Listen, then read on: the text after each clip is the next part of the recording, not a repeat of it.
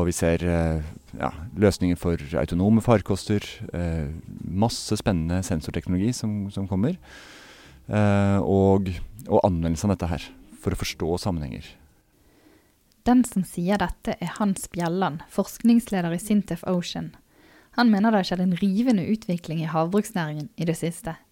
Dette er Tekfisk, podkasten om teknologi og forskning i sjømatnæringen.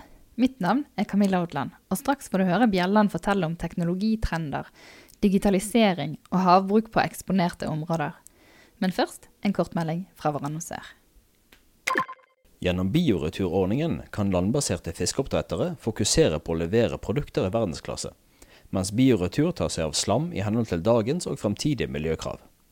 Det kreves ingen investeringskostnader, og bioretur sørger for en bærekraftig utnyttelse av fiskeslammet, gjennom bl.a. gjødselsprodukter og substrater til biogassanlegg. Gå inn på nettsiden bioretur.no for å lese mer.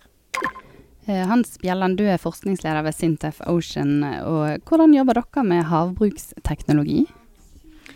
Jeg tenker eh, det er eh, litt todelt. Dels så handler mye av forskningen om å forstå problemet. Hvilke utfordringer er det vi har? Og det spenner helt fra ja, teknologiske utfordringer, uh, utfordringer med å gjennomføre operasjoner, eh, sikkerhet og risiko for både arbeidere, eh, for, for, fisken, for rømmingsrisiko osv. Og, så og den andre er jo det å jobbe med konkrete teknologier. Det være seg ja, konstruksjonene, men også sensorteknologi, algoritmer, måter å, å løse problemene som vi tar for oss i havbruksnæringa. Mm. Og Hvilke trender ser du når det gjelder teknologiutviklingen i havbruk?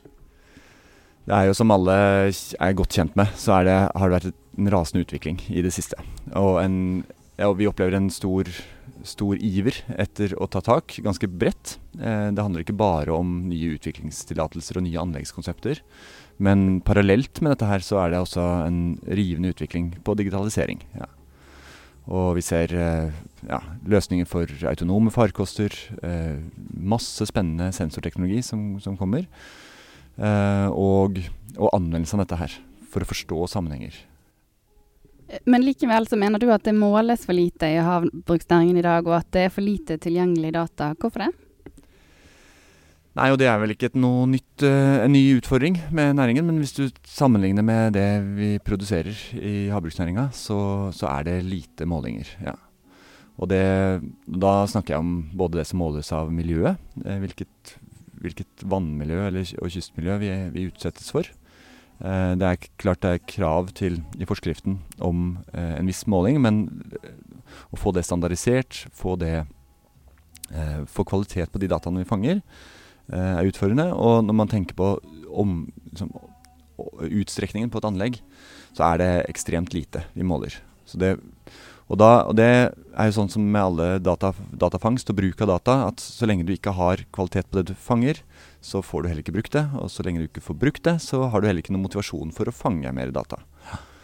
Og hvordan kan næringen bli bedre på dette? Jeg, vi ser veldig mye spennende som skjer nå. Både ved at man utvikler eh, nye sensorteknologier, robuste sensorteknologier som gjør det mulig å få gjort det. Men ikke minst på anvendelsen av dataene. Der, da begynner du å få et sånt sug etter, eh, og en, man ser en verdi av å gjøre det. Man ser man snakker om ja, stordata, man snakker om, om kunstig intelligens, eh, maskinlæring. Eh, og at man ser at mange av de utfordringene man har med å forstå sammenhenger i havbruksnæringa, Eh, der er data og det å bruke algoritmer og, og digitalisering eh, en vei fremover. Ja, helt konkret, Hvilken nytte kan havbruksnæringen ha av bedre data og mer måling? Ja, som sagt så er det, et, så er det fremdeles mange spørsmål rundt eh, alt fra å forstå mærmiljøet, forstå eh, fiskevelferd, hvordan de operasjonene vi utsetter fisken for, eh, påvirker fisken.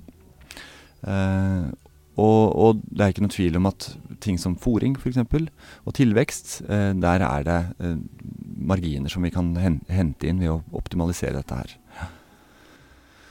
Og da vil, vil det å fange data, det å, det å sette dem inn, inn, i en sammenheng, men ikke minst da støtte beslutningstakere i å handle på dette her. Og nettopp handling er noe som vi også må, må jobbe med for å få motivasjon for å fange data. Må, det nytter ikke å se at vi har et problem, eh, vi må også vite at vi kan gjøre noe med det. Ja. Men er det teknologi som vil løse utfordringene næringen sliter med, tror du? Ikke teknologi alene, det er helt klart. Eh, og, og, teknologi er ikke noe verdi uten at vi har både fisken eh, i tankene. Vi må forstå fisken, og jeg tenker at eh, havbruksnæringa er en utrolig spennende næring hvor vi har så flott og interessant samarbeid nettopp mellom ulike eh, kompetanseområder. Vi har veterinærer, vi har biologer, vi har teknologer eh, som må jobbe tett sammen for å forstå problemene. Og jeg tenker også at Når vi snakker mye om digitalisering og maskinnæring og stordata, eh, man skal passe seg for å ikke tro at et, man bare man har nok data og putter dette inn i denne svarte boksen, eh, så skal man få ut noen verdifulle resultater ut. Man må kombinere dette her med med ikke, ikke, bare kunstig intelligens, men også reell intelligens hos uh, alle de som jobber der i havbruksnæringa. Og Hvor tror du de er om sånn noen år frem i tid? Er det veldig annerledes de drifter da, eller skjer det store endringer nå? Alltid veldig vanskelig å spå om fremtiden. Jeg tror at vi kommer nok til å se mye inkrementelle forbedringer i ja, si de to neste årene. da. Hvor, uh, hvor stadig mer eh, settes inn i system og sammenhenger. Eh, det vil være mer utveksling av data mellom anlegg, eh, mellom selskap. Eh, hvor man får tredjepartsaktører som kommer inn og bidrar både med å lage en infrastruktur for deling av data, men også å, som, som, bidrar til å analysere og gi råd og beslutningsstøtte eh, på toppen av dette. her. Ja, for f.eks. lakselus er jo sånn stort uløst som de jobber mye med. Den type teknologi som jeg snakker om nå, vil det hjelpe mot lakselus? Jeg, trenger, tror helt sikkert at vi må, vi må på en måte ha en, en overordnet strategi for å håndtere lakselus.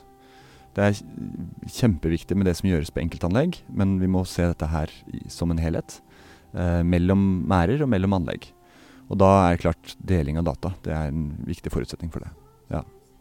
Eh, og så er du òg senterleder for et forskningssenter som forsker på havbruk på eksponerte lokaliteter. Eh, hvilke utfordringer ser du med denne typen havbruk? I Norge i dag så har man allerede eh, utfordringer knyttet til eksponert havbruk. Hva man nå enn legger i det. Men, men, vi legger i hvert fall med det at de utfordringene man har, spesielt med, med det harde kystmiljøet man har, vi ser at det er anlegg som sliter med daglig drift, eh, med å gjøre de ja, inspeksjonsjobbene som man, man, er pålagt å gjøre. Eh, og også få gjennomført operasjoner på en regelmessig og, og hensiktsmessig måte. og så er det klart at det er en stor interesse for å kunne ta både dagens teknologi og ny teknologi også ut i enda mer utsatte områder. Og da må vi på en måte både løse de problemene som vi ser med dagens eh, lokaliteter, og antageligvis også finne nye teknologiske løsninger eh, for å gjøre oss mer robuste. Ja.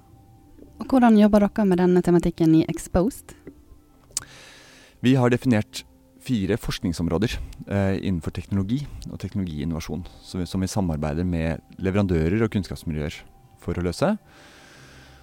Og så har vi tre oppdrettere på laget, som, som, Marine Harvest, SalMar og Cermaq, eh, som alle har litt ulik strategi når det gjelder det å gå mer eksponert og løse dagens problemer, eh, som er veldig viktig for oss der. Og så kombinerer vi det med to forskningsområder som ser på risiko og ser på fiskevelferd. Fordi hvis vi ikke, hvis vi ikke sikrer de to tingene, så spiller det ikke noen rolle med hva vi finner på av teknologi. Ja. Og Hvor lenge skal dere jobbe med dette, og hva håper du at dere har kommet frem til når eh, denne SFI-tiden deres er ute? Exposed er en såkalt SFI, en Senter for forskningsdrevet innovasjon. og Det er en fantastisk anledning og en senterordning som Forskningsrådet legger til rette for. Eh, og som nettopp er eh, en anledning for å jobbe langsiktig med partnere omkring problem, en problemstilling som man ikke klarer å løse alene. Og vi begynte i 2015. Eh, det er i utgangspunktet en åtteårsperiode som vi jobber, jobber med. Så da er vi vi begynner å nærme oss midtveis. Uh, vi begynner å få mange spennende resultater. Og tror jeg nok at siste del av senterperioden uh, vil også dreie seg enda mer mot det å sørge for innovasjoner hos uh, leverandørleddet i senteret. Kan du nevne ett eller to av de spennende resultatene dere har fått så langt? Ja, blant annet så syns jeg det Havforskningsinstituttet har gjort eh, på å dokumentere eh, svømmehastighet og svømmekapasitet hos både laks, men også rensefisk, eh, er veldig spennende. For det er en, et eksempel på en veldig sånn grunnleggende eh, kunnskap som vi må ha på plass for å nettopp vite hvordan laksen ikke bare takler de lokalitetene vi setter den i, men også i de anleggene og de konstruksjonene som, som den blir satt ut i. Ja. Og nå planlegger vi f.eks. videre forsøk med enda mer eksponerte lokaliteter. og Se hvordan laks håndterer dette her med bølger f.eks. Som er veldig spennende. Og akkurat det kan du lese om på Tekfisk, og der viser det bl.a. at rensefisken er ikke så glad i stor strøm, så det er jo noe man må ta hensyn til på den type lokaliteter. Absolutt. Og det er også et eksempel på at utfordringer med eksponerte lokaliteter, eh, og løser vi på en måte de, og har vi kunnskap som gjør oss i stand til å ta tak i det, så er dette også kunnskap som er viktig for også mer skjerma lokaliteter. For dette her er Rensefisken gir, gir slipp og, og har, sliter i mye lavere strømhastigheter enn det laksen gjør. Men det å flytte oppdrettsmerdene lenger ut og mer eksponert, er det noe av løsningen for å få til mer vekst, tror du? Jeg tenker det er en del av løsningen. Eh, jeg er ikke tilhenger av, og det tror jeg de færreste nå sier, at det er enten-eller. Eh, jeg tror at det å, det å drive um, mer eksponert for kanskje den mer robuste, større fisken, uh, er en del av løsningen. Og så vil man nok se at man bruker de mer skjerma kystområdene til kanskje mer lukka, uh, andre typer produksjonsformer. At man ser dette her i en sammenheng. Og så har du nå fremover skal dere jobbe med litt større innovasjoner. Hva tror du det kan ende ut i? Vi har masse spennende partnere med oss. Vi har Aqualine som jobber med, med mærer, og, og vi, de har eh, helt klart ambisjoner der. Vi har med oss Kongsberg f.eks., som, som er tungt inne i havmæra til SalMar. Masse, masse læring som de gjør seg der. Og, og de har også store ambisjoner videre for, for utvikling.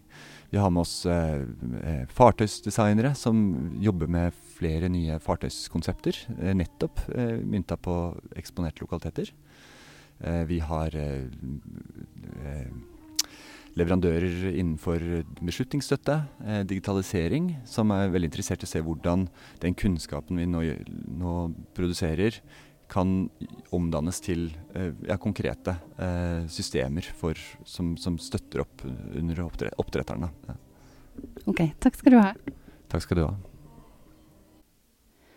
Du har nå hørt på Tekfisk podkasten om teknologi og forskning i sjømatnæringen. Og hvis du syns du hørte litt musikk i bakgrunnen, så stemmer det. Jeg møtte nemlig Bjelland i en tom hotellrestaurant som hadde musikk på anlegget. Tekfisk har ny podkast hver uke og er nå på Spotify. Sjekk òg ut tekfisk.no for løpende nyheter om forskning og teknologi i sjømatnæringen.